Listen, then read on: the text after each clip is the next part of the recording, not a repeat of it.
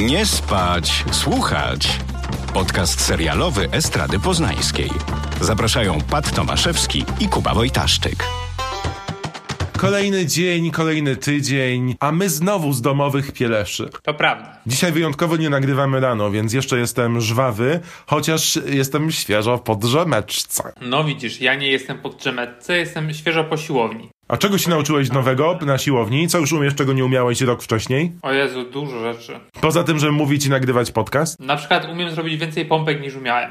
No ja dochodzę do czterech. No ja myślę, że do pięciu. Pompując temat, przejdźmy do serialu, bo już bardziej się pogrążyć nie można. Chciałem ci jeszcze powiedzieć, że dzisiaj e, Poznań e, jest przykryty śniegiem i jeszcze bardziej zatęskniłem do mojego wyimaginowanego życia w Los Angeles. O, a ja chcę powiedzieć, że ile razy, to pewnie jest taka indoktrynacja telewizyjna, ile razy widzę śnieg, taki pierwszy śnieg sezonu, to wyobrażam sobie, że Lorelai Gilmore z córką idą na kawę i przechadzają się po mieście i słychać dzwony gdzieś.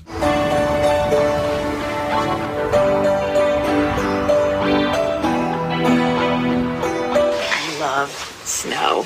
Really, I had no idea. Everything's magical when it snows. I feel good. Tingly. That's called frostbite. To przykro mi To bardzo. jest mój obraz wyryty w głowie, też mi przykro. Dobrze, że mówimy o tym, co było, bo dziś ponownie zajrzymy do pieleszy przeszłości. O, jak pięknie, po prostu po poezja rodem z Paulo Coelho. Poczekaj, jeżeli się nie obrócisz, nie zobaczysz tyłu. Dobrze. Myślę, że właśnie o Paulo Coelho myślała e, Nicole Kidman w serialu The Undoing. Ja jeszcze nie widziałem finału, a ty już widziałeś? Tak. O, kiedy ty masz czas, żeby to wszystko oglądać? To jest w ogóle podejrzane. No, widzisz. No widzisz. Ja po prostu dobrze, dobrze moją pracę domową odrabiam i staram się być na bieżąco. Powiedziałeś, że mm, zaglądamy do przeszłości.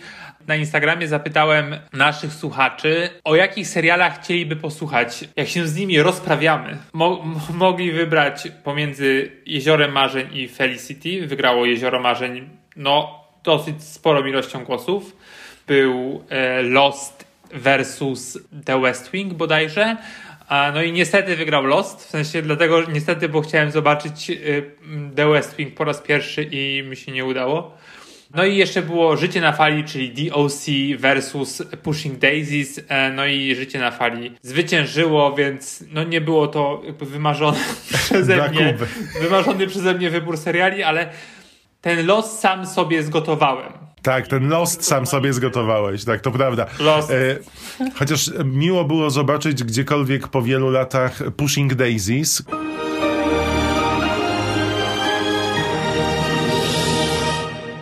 Który w Polsce był tłumaczony jako Gdzie pachną stokrotki. Tak. W ogóle powinniśmy mieć osobny odcinek o tym, jak Polacy nazywają amerykańskie seriale. To jest hit.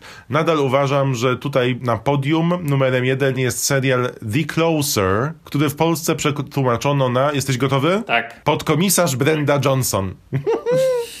który tytuł na wokandę idzie jako pierwszy?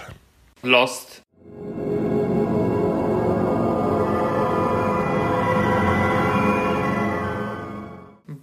Wydaje mi się, że on idzie właśnie wespół z, z gotowymi na wszystko, ponieważ był u nas emitowany w tym samym czasie, e, właściwie w ten sam dzień, tylko na, o tej samej godzinie, tylko na innych kanałach. Nie wiem, czy błędnie, czy nie, no ale jak sobie wyobrażam takie właśnie e, początki, dla mnie przynajmniej początki takiej lepszej telewizji, to, to był ten tytuł.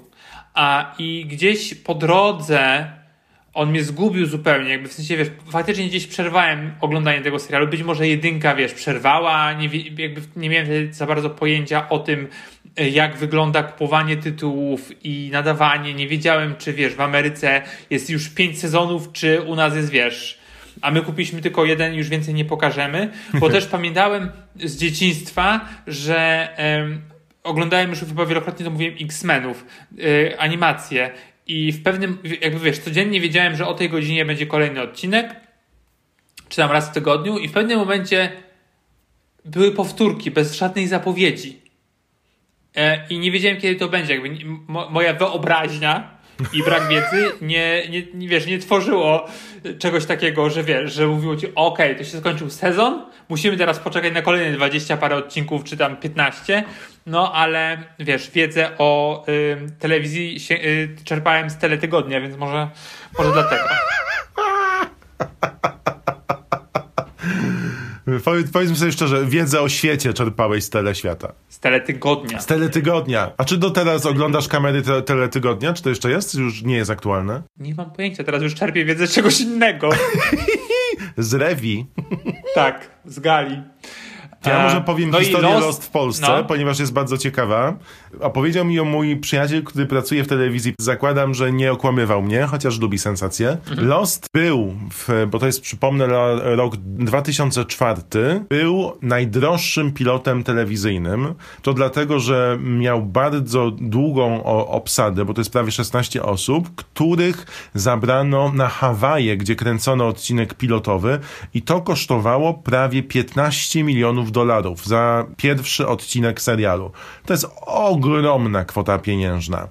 Na Europę jako pierwszy Lost pokazywał kanał AXN. AXN. To był albo luty Tak. 2005, albo kwiecień 2005, dokładnie już nie pamiętam.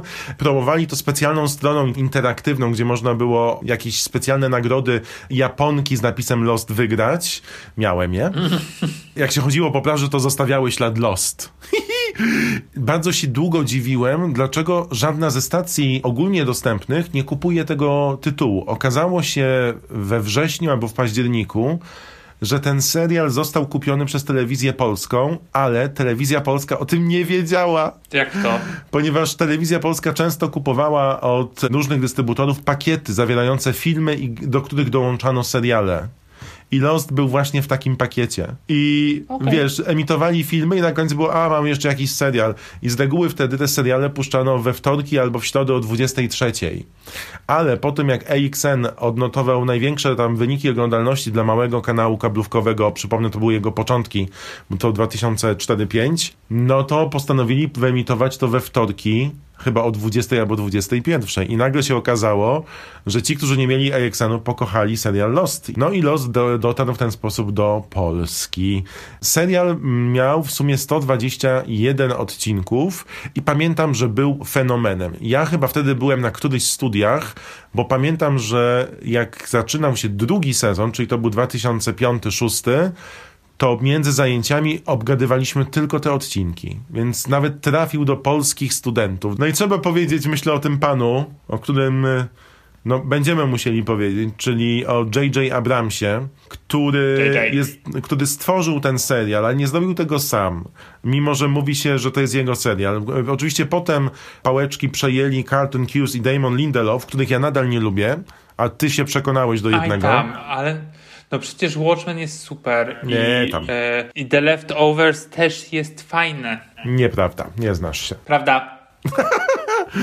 I stworzył J.J. Abrams. Trzeba przyznać, że to jest jakiś cud, jeżeli chodzi o telewizję, ponieważ on w pewnym momencie miał na antenie największe hity, które przyciągały największą e, publikę. Bo miał Lost Zagubionych, miał Agentkę o stu twarzach alias Jennifer Garner, którą no, ja uwielbiałem do tego stopnia, że no, obsesyjnie prawie, że oglądałem i chciałem odgadnąć wszystkie te rzeczy związane z tym średniowiecznym jakimś mistrzem, który przewidział przyszłość. Rambaldi chyba się nazywał. Miał Felicity, którą zobaczyłeś mimo to, że nie wygrała w głosowaniu. No ale to później o tym powiem. To Dobra, później o tym powiesz. No i zrobił ten, przekonał ABC, żeby dała mu 15 milionów, a teraz J.J. Abrams tworzy i nową serię filmów Star Treka i Gwiezdne Wojny, więc ja już dziękuję. Stworzył też ten, jak się nazywa ta cała seria tych science fiction filmów, Nie mam pojęcia. na Super Bowl miała premierę jedna. Bardzo fajne są te filmy akurat. Z tym potworem, którego nie widać, z tymi ujęciami z ręki. No teraz będzie za mną to chodziło. Paradox, e, Cloverfield. O, Aha. przypomniałem sobie, Cloverfield właśnie zrobił. No ale dobrze, jesteśmy w tym 2004 roku i Kuba pierwszy raz ogląda Losta. Lost. I'm having contractions. You're gonna be okay. I've just been through a trauma here, okay? We've all been through a trauma. We're stranded on an island. No one's coming for us. Do you think we're being punished? Punished for what? Things we did before. Co z tego pierwszego odcinka pamiętałem, to to, że oni siedzieli w samolocie. No i oglądałem, wiesz, oglądam, no nie wiem, powiedzmy 10 minut y, pierwszego odcinka i, i byłem pewien, że od tego samolotu się zaczyna, od tego, że oni siedzą tam. I mówię, czy ja sobie to wymyśliłem, jakby w sensie ubzdurałem sobie, że jest ten samolot i on dopiero się rozbija, a dopiero później się okazuje, że są te e, retrospekcje, że oni faktycznie są w tym samolocie i tak, tak poznajemy e, bohaterów często po prostu. Pamiętam, że na mnie zrobiło to duże wrażenie, to, że, to się, że się rozbili na tej wyspie. I teraz też tak było, wszystko przez World Trade Center. 2001 roku. Pamiętam, że śledziłem to e, wydarzenie przed telewizorem, to mocno e, zapadło w pamięć. I teraz było tak, że faktycznie mm, ta taka dosyć długa scena pierwszego odcinka, gdzie ten Jack, ten główny bohater, lata pomiędzy tymi strzępkami samolotu e, i próbuje ratować ludzi, bardzo dobrze się trzyma to jest, to jest ciekawe takie faktycznie trzymające w napięciu. Generalnie mam w nosie tych wszystkich ludzi, którzy tam są, w sensie w, tej scenie, ale y, jakby ruch kamery i to, że ym, podążasz wśród tych zgliszczy i wiesz, wydarzyła się jakaś tragedia, to jest takie cały czas fascynujące, że chcesz zobaczyć, co się z tymi ludźmi stało, kto nie żyje i wiesz, i to było takie faktycznie porywające i cały czas dla mnie jest. Myślę, że sensację światową wywołały te dywagacje. Gdzie oni są? Co to jest za wyspa? Czym jest ten hałas, ten stwór, który tam się pojawia i e, przede wszystkim, czy to się dzieje naprawdę. I rzeczywiście chęć znalezienia odpowiedzi na to pytanie przyciągała przez ten pierwszy sezon, bo on miał ogląda, oglądalność rzędu tam 16 do 20 milionów w Stanach, coraz to nowy, większą liczbę widzów zakładam, że na 2005 rok, chociaż czytałem recenzje niepochlebne również, mógł ten, ten, ten pilot faktycznie e, zachęcić. Pomimo, no, to prawda. E, A pamiętasz, patrzę... co ty myślałeś? Czym jest ten potwór, albo co to są za hałasy na tej wyspie i gdzie oni są?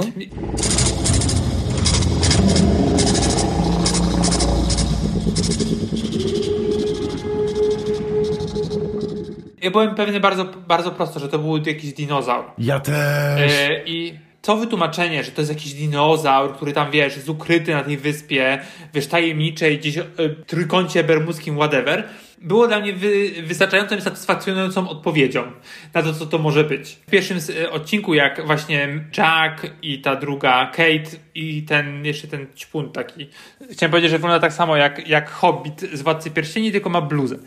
I, um, i co? I oni idą szukać kokpitu chyba e, do, do tej dżungli bardzo dobra scena, jak oni ten kokpit znajdują i on jest w pionie właściwie, no tak prawie w pionie i muszą się wspinać po siedzeniach i tam na tych siedzeniach są jeszcze martwi ludzie tego, w tym samolocie i oni muszą dotrzeć jakby na, na, na górę, żeby chyba walkie-talkie zdobyć. I to jest super. No i później oczywiście bardzo yy, bardzo konwencjonalnie budzi się pilot, to jest już trochę beka, bo on tam, cały czas jakby był uśpiony i nagle się obudził. Daje im ten, daje im te, to walkie-talkie, tą krótkofalówkę, no i porywa go to coś.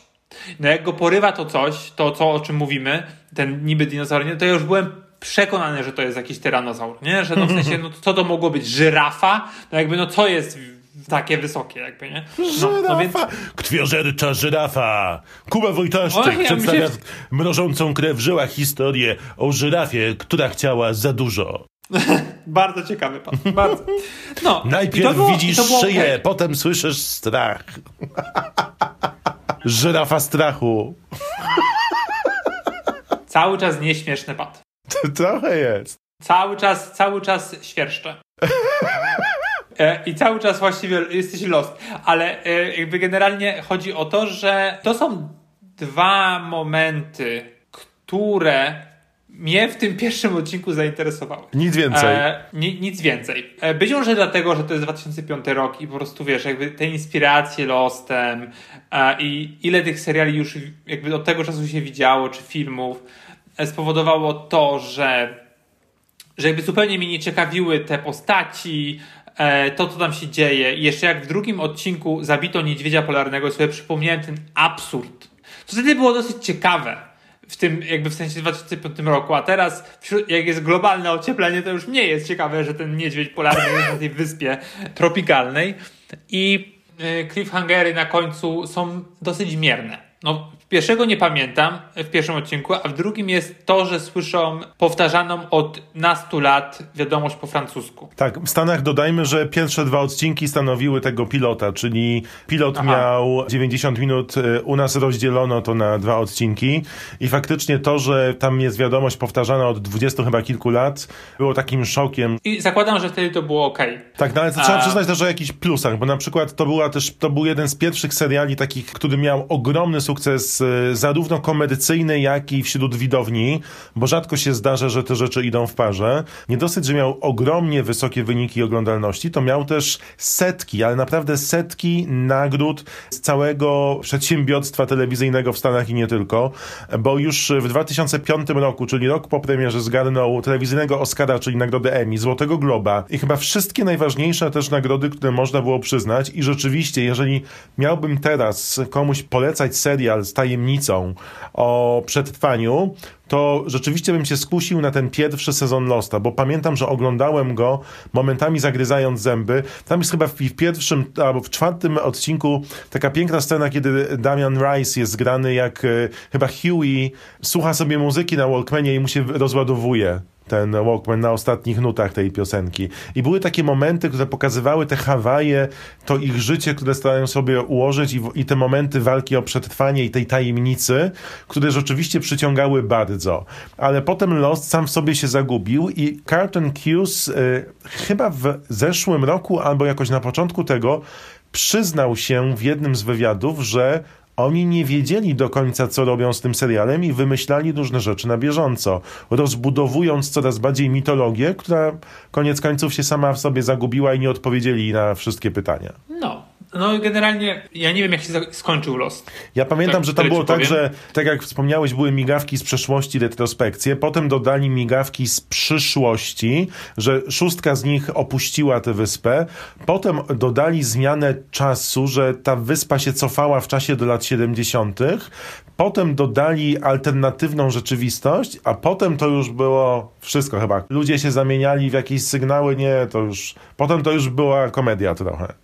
Że dla to była jeszcze bomba jakaś są- atomowa, wspaniałe to było. No bo wiadomo, że jakby ten świat i to, co się z nim stało i ten dinoza- dinozauro, nie dinozaur i tak dalej, no to wszystko jest, wiesz, no trzeba wziąć pod uwagę gatunek, No tak. e, czy tam inspirację. No ale jeżeli tworzysz postaci, no to jednak chciałbyś, żeby one były w miarę wiarygodne. A ja miałem z tym duży problem. Już od samego początku wszystko jest bardzo takie wygodnie skonstruowane. Czyli oczywiście kolesie w większości są napakowani i tak dalej. No i głównym bohaterem jest Matthew Fox, znaczy Jack grany przez Matthew Foxa, który jest lekarzem, chirurgiem. No i wiadomo, że już w pierwszej, tam jednej z pierwszych scen poznaje Kate, czyli Evangeline Lilly. To jest... I on, jakby on ma rany na plecach. No i nie może sam się bystrzyć. Tak.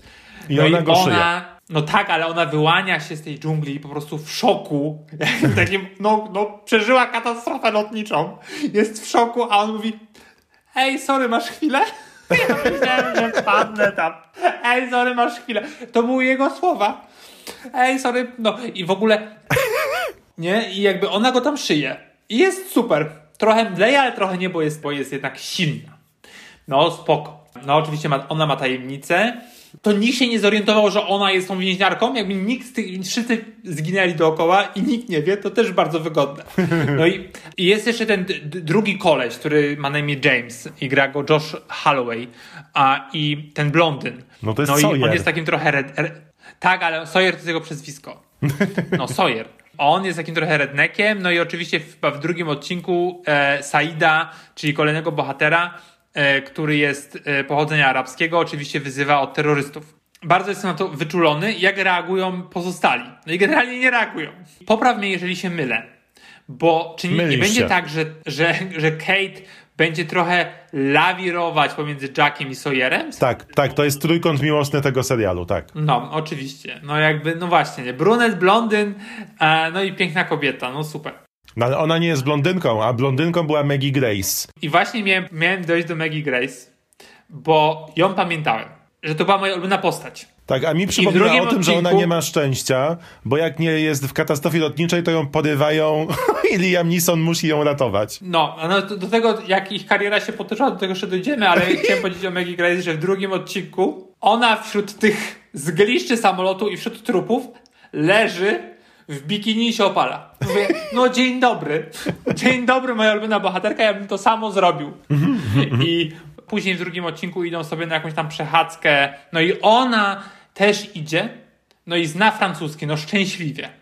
I to jest właśnie tak, że bardzo łatwo po prostu grupują te postaci i tak tworzą takie bardzo wygodne powiązania. To też jest ciekawe, kto z tej grupy ludzi początkowych dotarł do końca. Że to nie jest takie wcale oczywiste. To prawda. E, I to jest, i to jest ciekawe. W sensie nie wiem, jak faktycznie te postacie były później rozpisane, ale, ale przede wszystkim nie są to tylko białe, białe osoby. Nie miałem siły, żeby oglądać całego sezonu, to muszę przyznać. Ale przypominam sobie, że pamiętam jak Lost był emitowany, to były reklamy mówiące o tym, że to jest serial, w którym pojawia się najwięcej raz w telewizji. Wtedy. No, być może wtedy tak było. Tak, i pamiętam jakąś A. historię, gdzieś mi świeci z tyłu głowy, że y, chyba J.J. Abrams był u Jim, Jimmy'ego Kimmela i opowiadał, jak znaleźli y, Evangeline Lilly, że ona nie była aktorką, tylko kupowała jakieś warzywa czy owoce. Jeden z producentów podszedł do niej i zapytał, czy nie chciałaby grać i ona mówiła, że to było zawsze jej marzenie. Taką historię z tyłu głowy, oglądając sobie ponownie tego pilota, przypomniałem. No, Ciekawe, i czy to była ściema, ona nie? zrobiła jako jedyna chyba karierę z, z nich wszystkich. Y, może nie dużą, ale grał Marvela, więc jakiś to jest y, No tak, jest Waspem. krok. Tak, jest, jest osoba, tak? No. Pamiętam, że próbowano zrobić y, gwiazdę z Foxa i to nie wyszło. A pamiętasz Matthew Foxa y, z ich pięcioro? The Party of Five? Z Neve Campbell? Tak, tak. Ja tego serialu nie, nie mm, widziałem tylko kawałki, być może jeden odcinek. No generalnie Sayonara Lost. Get lost in the world. Destiny calls. Fly Ajira Airways.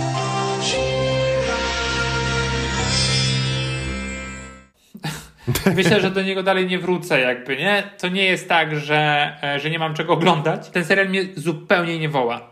A szczególnie, że wiesz, że te wątki nie rozwiązują się fajnie i on ma tyle przeciwników po finale, ile ma zwolenników, a nawet pewnie więcej ma przeciwników, bo pamiętam jak finał był emitowany, to e, ludzie reagowali tak jak na ostatni sezon Gry o Tron, że nie, dzięki, na razie, że nie chcemy takiego finału i takiego rozwiązania.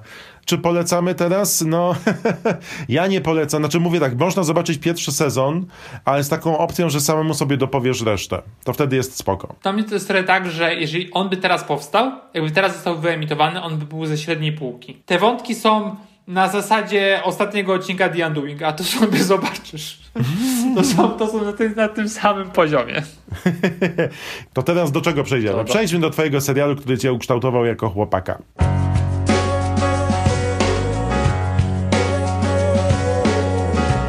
Jezioro Marzeń. Dzień I dobry. don't wanna- Ta wspaniała le- I don't wanna wait.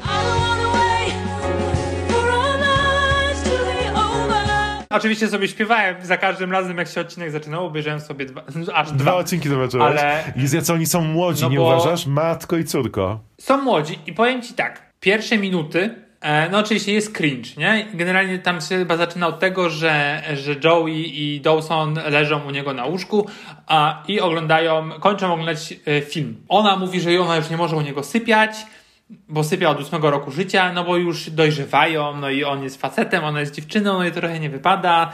No i generalnie wiadomo, że ona trochę do niego tam, jak to się mówi, smoli cholewki. Ładnie to powiedziałeś. No, e, on jest oczywiście e, skretyniałym ci z chłopakiem, który nie ma pojęcia o dziewczynach i mówi i tego nie widzi, e, że jest taka sytuacja pomiędzy nimi. Taka sytuacja, hemoglobina. W końcu zostaje i tam po prostu się gilgoczą w tym łóżku i to jest taki ostry cringe, że trochę zamknąłem, zamknąłem oczy, nie mogłem na to patrzeć. A trochę chciałeś się Ale- pogilgotać. Ale co sobie przypomniałem, to to, że na maksa zazdrościłem im tego życia. Chciał być tym e, reżyserem, a ja chciałem być sceno, scenopisarzem wtedy, w, pamiętam w liceum i bardzo bu- ta postać byłaby mi bliska właśnie pod tym względem. Teraz jak patrzyłem na ten serial, to jest moja najmniej ulubiona postać. No być może dlatego, że to jest po prostu nastolatek taki trochę odpychający, jakby nie widzi na przykład, wiesz, nie widzi, um, traktuje te dziewczyny trochę przedmiotowo i to tam pewnie są artykuły na ten temat, dosyć długie o tym, jak, y, jak są przedstawione dziewczyny w, w tym serialu. Na przykład jak spojrzysz na to, spojrzysz na tą czwórkę głównych bohaterów, to tylko Dawson ma... Mm, ukształtowane przynajmniej w, na początku y, pierwszego sezonu zainteresowania. A pozostałe bohater, bohaterowie jakby no żyją swoim nastoletnim życiem bez zainteresowań. No być może to jest prawda. Ja tak sobie próbuję przypomnieć, no oprócz tych moich filmów nic yy, większego mnie w e, liceum nie interesowało, ale jak patrzę na moich znajomych, no to nie wiem za bardzo, czy też mieli coś takiego. Mnie się to najgorzej oglądało ze wszystkich rzeczy, jakie oglądałem ostatnio. Nie jestem tak? w stanie uwierzyć w nic, co jest przedstawione na tym. Natomiast bardzo mnie ciekawi koncepcja poczęcia tego serialu, ponieważ e, autorem Jeziora Marzeń, czyli Dawson's Creek, jest e, Kevin Williamson, którego ja znam, cenię i nawet wielbię za to, jakie on ma podejście do popkultury i przede wszystkim do thrillerów, ponieważ Kevin Williamson napisał z Wesem Cravenem Krzyk. Napisał Krzyk 2, I Know What You Did Last Summer z Jennifer Love Hewitt. Jest twórcą The Faculty, no, zrobił Pamiętniki Wampirów, zrobił The Following z y, Kevinem Baconem, teraz y, tworzy Tell Me a Story i jest świetnym twórcą, ma ogromne wyczucie y, do produkcji, które ludzie pokochają. A sam fakt, że Jezioro Marzeń, jak wyczytałem, to był efekt jego pierwszego spotkania z producentami telewizyjnymi, na którym wymyślił po prostu taką historię, jeszcze zanim krzyk był w kinach, czyli nie miał żadnego sukcesu na koncie, którym mógł się pochwalić. I bum, dziękuję, miliony. Mhm. No i proszę, no i klasa. Niezwykle ciekawie jest obserwować, jak jednocześnie on pisał ten e, Kevin Williamson serial Jezioro Marzeń i tworzył najbardziej kultowe filmy dla naszego pokolenia, które łączą slasher z komedią, z horrorem, z thrillerem. Niesamowite, że jeden człowiek wymyślił to wszystko. Człowiek, jak to się nazywa? Instrument? Tak, Truman Capote zdobił to samo, z zimną krwią i śniadaniu Tiffany'ego. Nie, powiedziałem, że człowiek instrument, nie powiedziałem Truman. A, Capote. usłyszałem Truman! Brawo. Jeszcze jedna rzecz mnie zaświeciła, jak zobaczyłem e, napisy. Muzykę do serialu, poza czołówką, o której pewnie już mówiłeś, że piosenka jest do tak, tego o serialu. Tak, wojnie opowiada. Tak, napisał Danny Lux, e, właściwie Daniel Scott Lux i on jest autorem, e, znaczy kompozytorem, który zaprzyjaźnił się bardzo z Davidem i Kellym, bo on pomagał przy muzyce w Ali McBeal, w Boston Public, w Boston Legal, ten słynny żółty autobus, ale też pomagał przy tworzeniu kultowej muzyki z Medlow's Place. No, proszę. Więc wszystko się gdzieś no, łączy. Oczywiście jak teraz to oglądam, to jest, no wiadomo, że inaczej na to patrzę, ale wtedy w liceum, to chciałem żyć w, tym, w tej miejscowości, jakby u nich. E, I i mieć to kino w tym miasteczku. To było wszystko, to wiesz, takie. Ty mówiłeś, wspomniałeś o, e, o tym twoim serialu z tymi córką, matką, jak to się nazywa? Gilmore Girls. Twój serial. No, no właśnie. I to miasteczko, i to miasteczko jest um, w jakiś sposób podobne. Stars Hollow, że tak, tak, oni tak. się tam wszyscy, tak, oni się wszyscy znają i jakoś tak egzystują tam. I mówiłeś ostatnio przy no. jakimś odcinku o tym, że boisz się zobaczyć pierwszych odcinków Dawson's Creek, bo nie wiesz, jak e, zareagujesz na Michelle Williams, która tam się pojawia. Jak wyglądało to zestawienie tego, jak myślałeś, do tego, jak co, co zobaczyłeś? Chciałem powiedzieć, że ona pojawia się w tym pierwszym odcinku jako dziewczyna, taki Trump taki Trump po prostu z, no, z takiego ciemnego Nowego Jorku, że ma jakąś tajemnicę i ona jest taka, wiesz, taka y, uważana za trochę lepszą, no bo z Nowego Jorku nie ma tą tajemnicę a, i trochę jest taka mm, bardziej a, no mniej konserwatywna, na pewno dużo mniej konserwatywna niż jej babcia. Mhm. No i która jest taka naprawdę ostra. Znaczy ona jest dobrą kobietą, na końcu się okazuje, ale no generalnie rasizm, dzień dobry. No i znaczy dobrą kobietą, ciepłą po prostu dla oczywiście swojej białej córki, e, tej wnuczki. Ale w każdym razie ona się pojawia i wydaje mi się, że Michelle Williams jest najlepsza w tym serialu. No i jakby generalnie trudno powiedzieć, że tak nie jest, bo zobacz, gdzie ona teraz jest. Jakby ma dwie nominacje do Oscara bodajże, i faktycznie robi największą karierę z nich wszystkich, ale Joshua Jackson i Katie Holmes e, wcale nie wypadają blado przy niej. E, mhm. Również ciągną to i nawet takie, wiesz, absurdalne, naprawdę absurdalne momenty, jakby wierzysz im bo oni to faktycznie ciągną nawet wtedy, w tym 98 roku. Najsłabiej wypada e, James Van Der Beek, ale to też widać, gdzie jego kariera teraz jest. On się pojawia raczej Komedia. jako taki. Nie, to nawet nie chodzi o komedię. On się pojawia w serialach jako taki bonus. Nie? A, okej. W sensie, że, No. że oglądasz Pose pierwszy sezon i on się pojawia i mówi: O, Dawson. Jakby na takiej zasadzie on jakby nie wyszedł poza. A jak patrzysz na, patrzysz na Joshua Jacksona w DFR na przykład, to nie jest, to nie jest Pacey. To jest Joshua Jackson. Tak samo Katie Holmes, e, wiesz, bardziej Tak, patrzysz na to, że rację. ona kiedyś była żoną Tomy, Toma Cruza, niż przez to, że grała e, Joey, e, Joey Potter. A Tak. jeszcze a propos Toma Cruza, to matkę Michelle Williams w serialu, znaczy ta matka była, y, miała dwie aktorki, tą drugą aktorką, matkę, e, matkę Jen grała, uwaga, Mimi Rogers, czyli pierwsza żona Toma Cruza. Proszę. A ja wyczytałem, że jedną z aktorek, która chciała zagrać postać Jen i była nawet zaawansowana w castingu, była Katherine Heigl, O, proszę. Dobrze, że nie zagrała, to było masakra. czyli Easy z Grey's Anatomy. I ja uważam, że Jezioro Marzeń trzyma się dobrze. I jeszcze nie wiem, jak jest dalej. Ja się nie zgadzam.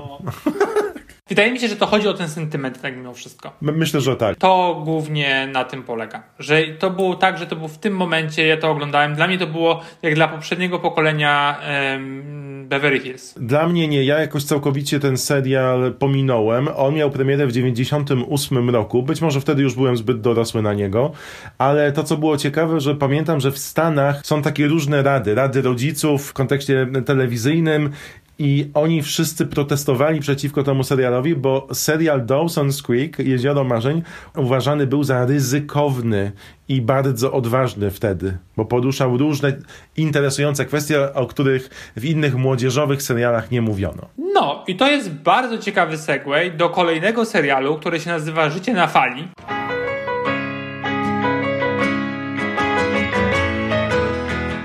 Czyli DOC i ono, e, i ten serial wyszedł, wyszedł dokładnie pierwszy odcinek w- jakby w sensie w roku tym samym, kiedy się Jezioro Marzeń skończyło, czyli w 2003. I ciekawe, co rady rodziców szkolne miałyby do powiedzenia, znaczy mają do powiedzenia na, na temat tego serialu, Oj, miały bardzo dużo. bo kiedy, bo kiedy Joey Potter zapierdzielała łódką ze swojego tam domku do Dawsona, bo ona na łódce pływała, to bohaterowie e, Życia na fali chodzili na imprezy i ćpali kokainę. To Więc prawda. Pozdrawiam bardzo serdecznie. To jest, dla mnie to, obejrzałem to jedno po drugim i to dla mnie był szok. Nie, że wychodzę na jakąś konserwę, ale generalnie to, jak się em, patrzenie na, nie wiem, czy to jest, wiesz, em, za dużo idąca e, socjologia z, z mojego punktu widzenia, ale, ale czy, czy jakby po tym dw, e, 2000 którymś się tak strasznie wszystko odwróciło, że jakby te mm, nie wiem, normy społeczne czy jakieś zachowania były bardziej dopuszczalne, no nie wiem, jakby w sensie to dla mnie, był, dla mnie był szok. Jakby na takiej zasadzie, że oglądasz sobie takie spokojne jezioro marzeń, no faktycznie tam się wydarzają różne rzeczy, typu na przykład, nie wiem, Pacey ma romans z nauczycielką, co jest zresztą bardzo ciekawym, ciekawym zagraniem w 98 roku, a tutaj wiesz, Hello Beaches, nie jak to było? Welcome, Welcome in, to the OC, OC bitch. Beaches. Welcome to the OC, bitch. And this is how it's done in Orange County. Jakby hitowy cytat z tego, z tego serialu. Tak, a E, potem nawet do powiedzieć? tego hitowy, że e, jak e, wyemitowano ten serial, to w Kochanych Kłopotach właśnie w Gilmore Girls grał Adam Brody, czyli główny bohater DLC, no i w związku z tym, że DLC odniosło sukces, to musiał zrezygnować z Kochanych Kłopotów. Grał chłopaka Lane i jak on opuścił serial, to e, w Gilmorach pojawił się cytat Welcome to the SH, bitch. Nawiązujący do tego, że on sobie tam polazł. Fajna No. jest geneza tego DLC i dlaczego on jest taki właśnie do przodu z zachowaniem, e, nie boi się pokazywać młodych jako pijących, korzystających z różnych używek. Jednym z producentów e, tego serialu, poza Joshem Schwartzem, o którym zaraz powiem, jest Joseph McGinty Nicole, tak zwany McG. I go możecie kojarzyć e, z takich filmów jak Babysitter na Netflixie, albo teraz druga część e, Babysitter Killer Queen. On zrobił Aniołki Charlie'ego, obie części z Lucy Liu i Drew Barrymore i Cameron Diaz. Uwielbia szybką akcję, do przodu dialogi.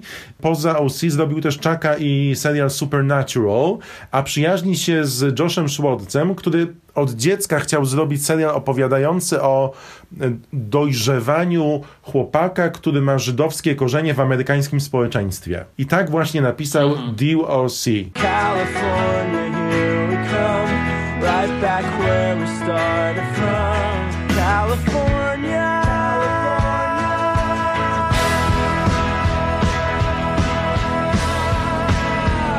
Traktuje właśnie o takiej rodzinie, Oni są wszyscy tam bogaci. O, Orange County to jest, to jest, bo od tego jest ten skrót, to są po prostu biali, uprzywilejowani ludzie, którzy mają wielkie wille i, I miliony. i bardzo dużo pieniędzy. to prawda. Ja z tym serialem nie mam żad- żadnych wspomnień. Znaczy, Wstyd. wydaje mi się, że po prostu jak skończyłem Jezioro Marzeń, to już byłem za, za stary na kolejny serial o nastolatkach. I być może dlatego. I co mnie zdziwiło, to to, że jak oglądałem ten pierwszy odcinek, to jakby słyszałem bardzo pozytywne e, rzeczy i wiem, jak wpłyną na telewizję później. Jakby dla, e, o nastolatkach generalnie, o, o telewizji, o, o serialach o nas, nas, o nastolatkach. I to można wyłapać. Nie, dla mnie to nie że wychodzę na konserwę być może, ale generalnie e, jak Jezioro Marzeń mogę tłumaczyć sentymentem, to tutaj te wszystkie klisze, które się pojawiają i to, że jakby to bogactwo jest tak absurdalne i ta główna postać, czyli grana przez Bena McKinseya, czyli Ryana, który jest z jakichś nizin społecznych i zostaje poniekąd adoptowany przez, przez tego prawnika. On zostaje adoptowany, jego tak, tak, tak. niechę- przez jego niechętną żonę i wprowadzony do tego, jak tej społeczności po prostu ignorantów, białych ignorantów, to po prostu aż mi się unosi. I to, że on jest taki stylizowany na takiego Jamesa Deana.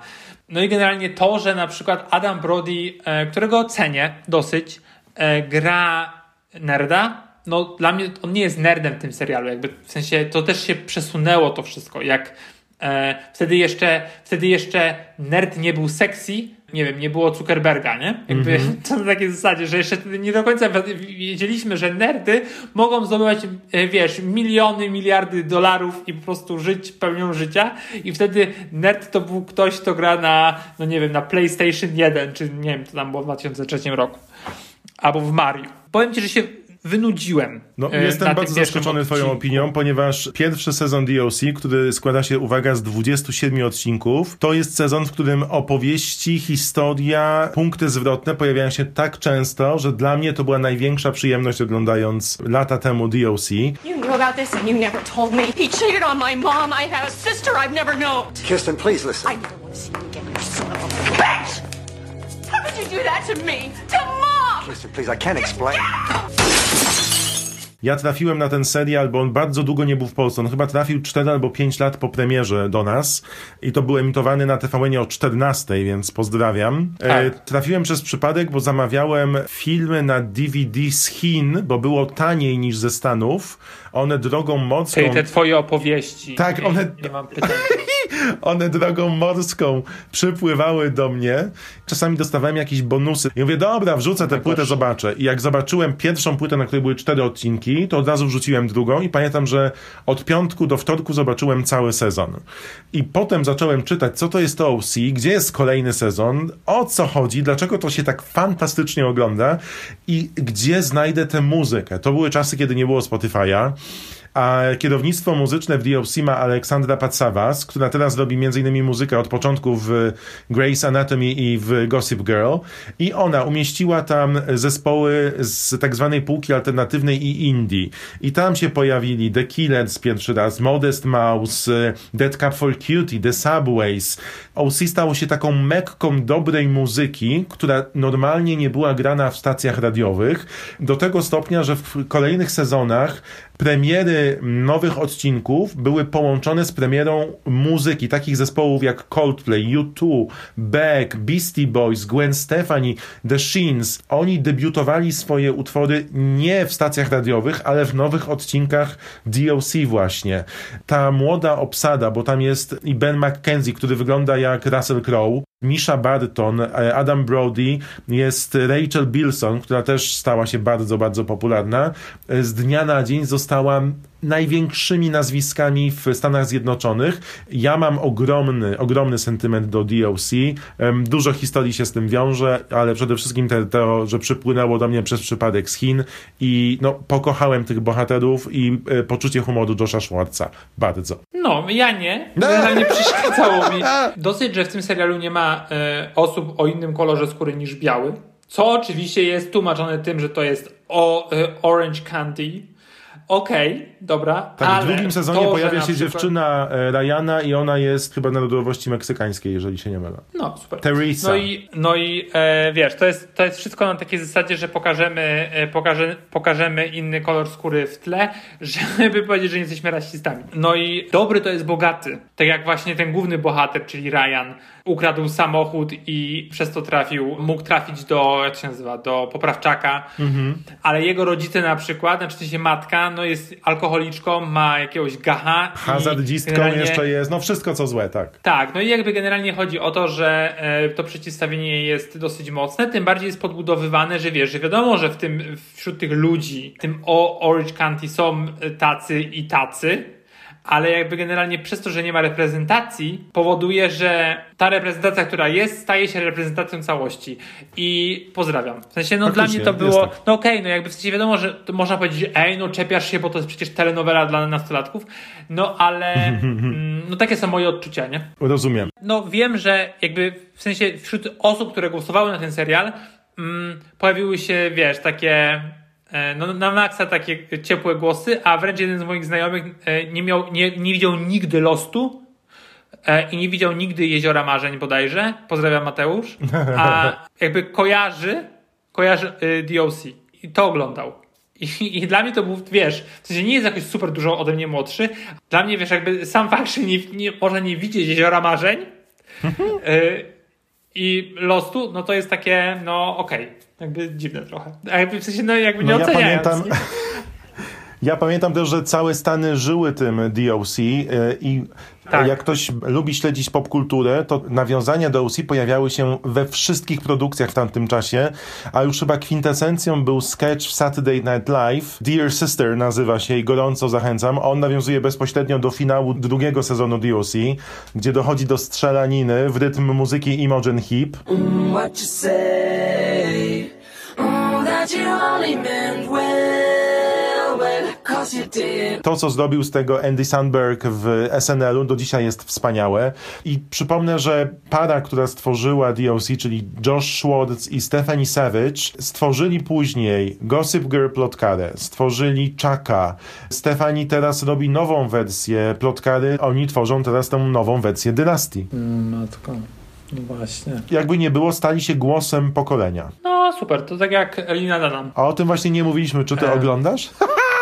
Oczywiście, że nie oglądam Dynastię. A w ogóle na w ogóle z, z, przeglądałem co tam nowego na y, Amazonie, no mało rzeczy, ale w sensie na Prime y, vid, wi, Video i, i wśród poleconych mam starą Dynastię, więc Zobacz, tylko pamiętaj, że Dodali- Alexis dodali- pojawia się w drugim sezonie. sezon. Dobrze, to jeszcze zanim przejdziemy do naszej sekcji polecamy, e, chciałem powiedzieć kilka słów o Felicity, ponieważ ten serial, tak jak wspomniałem, można było na niego głosować albo bodajże na Jezioro Marzeń, no ale bardzo, bardzo dużo osób zaczęło wysyłać mi groźby na, na Instagramie. U, a jakie groźby? serial Opowiadaj, serial że co? że to serial ich życia i w ogóle jak można o tym, o tym szczycie jeziorze marzeń rozmawiać, trzeba rozmawiać o Felicity. Felicity była w popkulturze dosyć mocno. To był pierwszy serial J.J. Abramsa. I w ogóle nie taki nie jego. Tak, zupełnie nie jego. Opowiadał historię dziewczyny, która jak dowiaduje się, że jej chłopak e,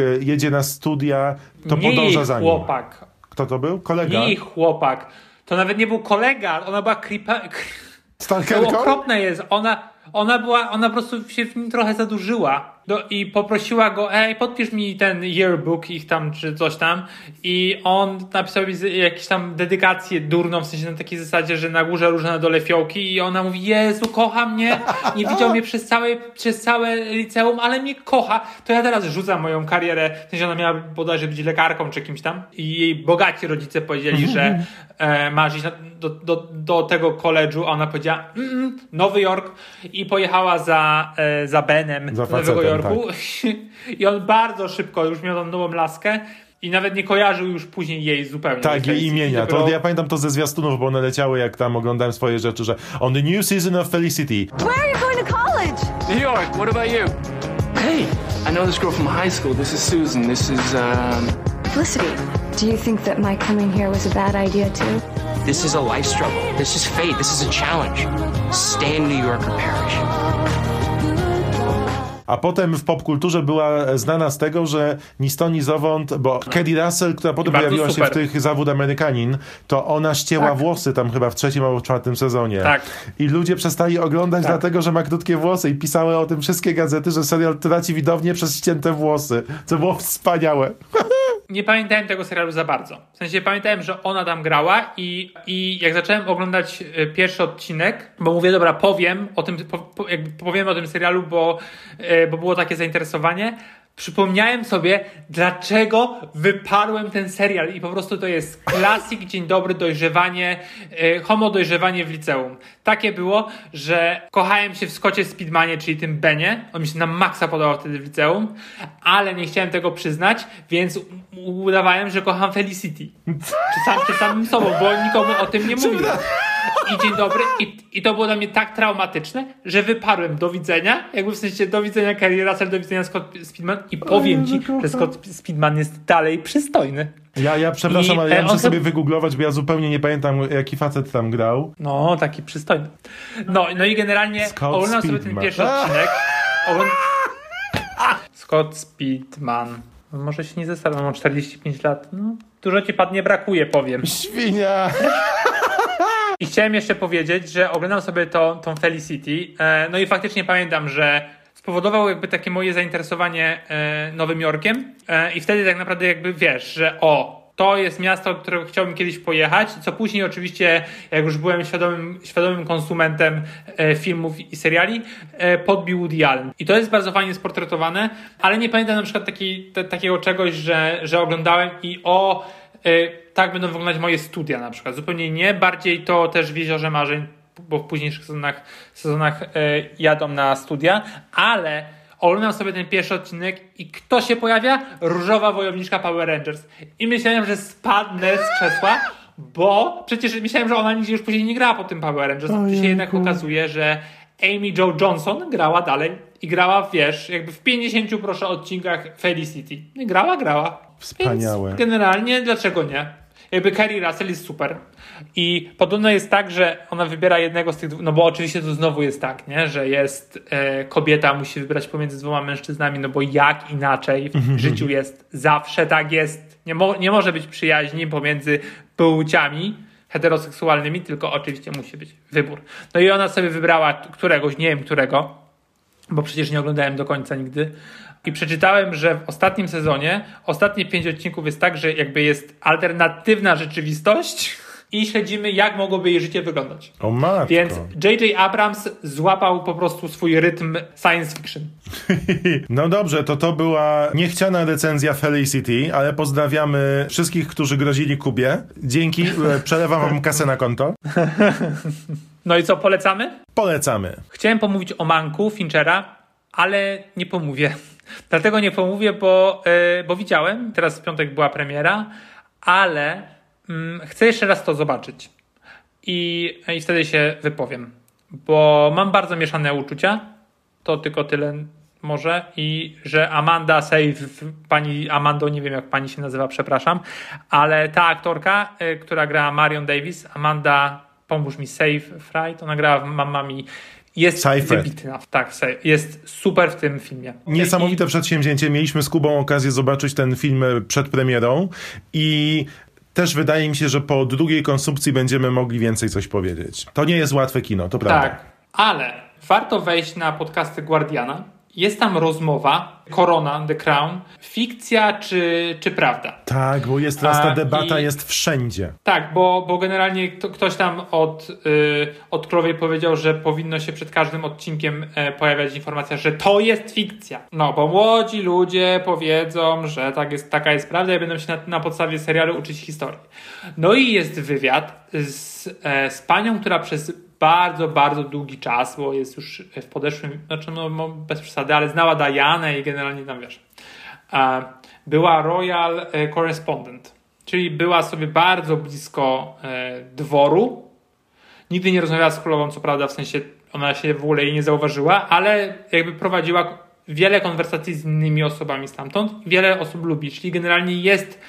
E, Wie, słyszała, była, to. widziała. Tak, ja, i, e, i jest to bardzo, bardzo ciekawa rozmowa, ponieważ e, wiadomo, że ona jest może mało obiektywna, ale też mówi, co jest dużym, jakby może nie zakłamaniem, ale dużą taką e, faktycznie fabułą, a, a że co, co mogło być prawdą, które postaci są e, faktycznie bardzo dobrze nakreślone i gdzie twórca Peter Morgan e, trafił w punkt. I to jest bardzo fajne. Twórcy też podkreślają, że Korona jest y, serialem fikcyjnym, który jest oparty na prawdziwych wydarzeniach i pokazuje te prawdziwe wydarzenia. Tak. No ale przecież nie ma możliwości, żeby twórcy tego serialu i Peter Morgan słyszeli te wszystkie prywatne rozmowy, więc to Tak. jest fikcją literacką, licencja poetyka, która trzyma po prostu oś dramatyczną serialu. I ja właśnie też chciałem nawiązać trochę do tego, co mówiłeś, bo producenci chyba wychodząc naprzeciw temu wszystkiemu, y, stworzyli swój własny podcast. Nazywa się The Crown Official Podcast. Jest po angielsku. Poza wywiadami z osobami, które tworzą The Crown i aktorami, opowiada bardzo fajnie o historycznych wydarzeniach, które towarzyszą każdemu odcinkowi. Bardzo dużo można się dowiedzieć y, z tego podcastu, a również na brytyjskim kanale YouTube y, Netflixa pojawiają się właśnie takie Inside the Crown, gdzie nawet masz wszystkie wydarzenia historyczne w formie kroniki przypomniane. Pyknąłem to w jeden wieczór i było to bardzo dobrym rozszerzeniem tego czwartego sezonu The Crown, o którym mówimy w, poprzednim, e, w poprzednich odcinkach e, podcastu Nie Spać Słuchać. Ja chciałem polecić coś innego, chyba, że jeszcze chciałeś coś dodać. Nie, już nic. To jeszcze przypomnij, gdzie ten twój można posłuchać. To, to był The Guardian? No, The Guardian to jest chyba, nie wiem, tam któryś z, z odcinków. To się nazywa Crown Fiction or Truth? Okej. Coś takiego. I to można sobie po prostu wpisać na Spotify. Ja chciałem polecić dwa wywiady. Jakoś ostatnio YouTube, algorytm YouTube'owy poleca mi rozmowy Hillary Clinton. Może dlatego, że czytałem jej książkę i słuchałem audiobooka i NSA usłyszało. I jak podsłuchują, to wszystko nagle wyskakuje. I jeżeli nie mieliście okazji zobaczyć wywiadu e, z Hillary Clinton u Howarda Sterna na YouTubie, prawie dwie godziny, ponad dwie godziny, to to jest jeden z lepszych wywiadów, jakie widziałem w ostatnim roku. Naprawdę jest wspaniały. You know, I went to the inauguration of Donald Trump, which was one of the I am- hardest days of my life, to be honest. I am consumed with that. I was thinking about you that day. I was watching you more than I was watching Trump. I was sitting there like just wow, couldn't believe it. And George W. Bush says to me, Well, that was some weird shit. Wow. Ale e, Hillary Clinton pojawiła się 30 listopada u Daxa Sheparda, w, chyba w jednej z najbardziej popularnych e, odsłon podcastowych w Stanach, czyli e, Armchair Experts. Dax Shepard prywatnie jest mężem Weroniki Mars, Kristen Bell i ma też e, podcast, w którym opowiada i o swoim uzależnieniu, i o walce z nim, ale też e, przepytuje ludzi. I Hillary Clinton pojawiła się tam właśnie 30 listopada i opowiada o tym, jak to jest zbierać doświadczenie po przegranej walce o fotel prezydenta Stanów Zjednoczonych i jak pogrążyła się w pracy, bo ona teraz e, wydała z Hulu film dokumentalny o sobie, napisała książkę Gutsy Women wraz ze swoją córką, gdzie wybierają 100 kobiet, które zmieniły historię i współczesne postrzeganie świata. Bardzo fajna pozycja. Uruchomiła podcast też, w którym w bardzo przystępny sposób opowiada o tym, jak świat się zmienia, a, a z Daxem Shepardem rozmawia o tym, e, o tej transformacji, która teraz czeka Stany, jak zwykły mieszkaniec nie tylko Ameryki, ale i świata ma na to reagować. Widać, że jest niezwykle oczytana, bardzo empatyczna do e, całego elektoratu i rzeczywiście e, słucha się tego z taką dużą dawką fascynacji. Clue jest tego, że polecam te dwa wywiady z nią, ale przede wszystkim ten wywiad u Howarda Sterna. No to jest petarda. Bardzo dziękuję. No, dziękuję bardzo. Widać, że Hillary Clinton ma dużo wolnego czasu. Może sobie nagrywać. Dobrze. Było mi bardzo miło i do usłyszenia, do zobaczenia e, za tydzień. Prawie jak pożegnałeś się jak matki, żony i kochanki. Do zobaczenia. Do zobaczenia. Dnia nigdy nie wypuść z rąk, Kuba. Cześć. Tak, pa.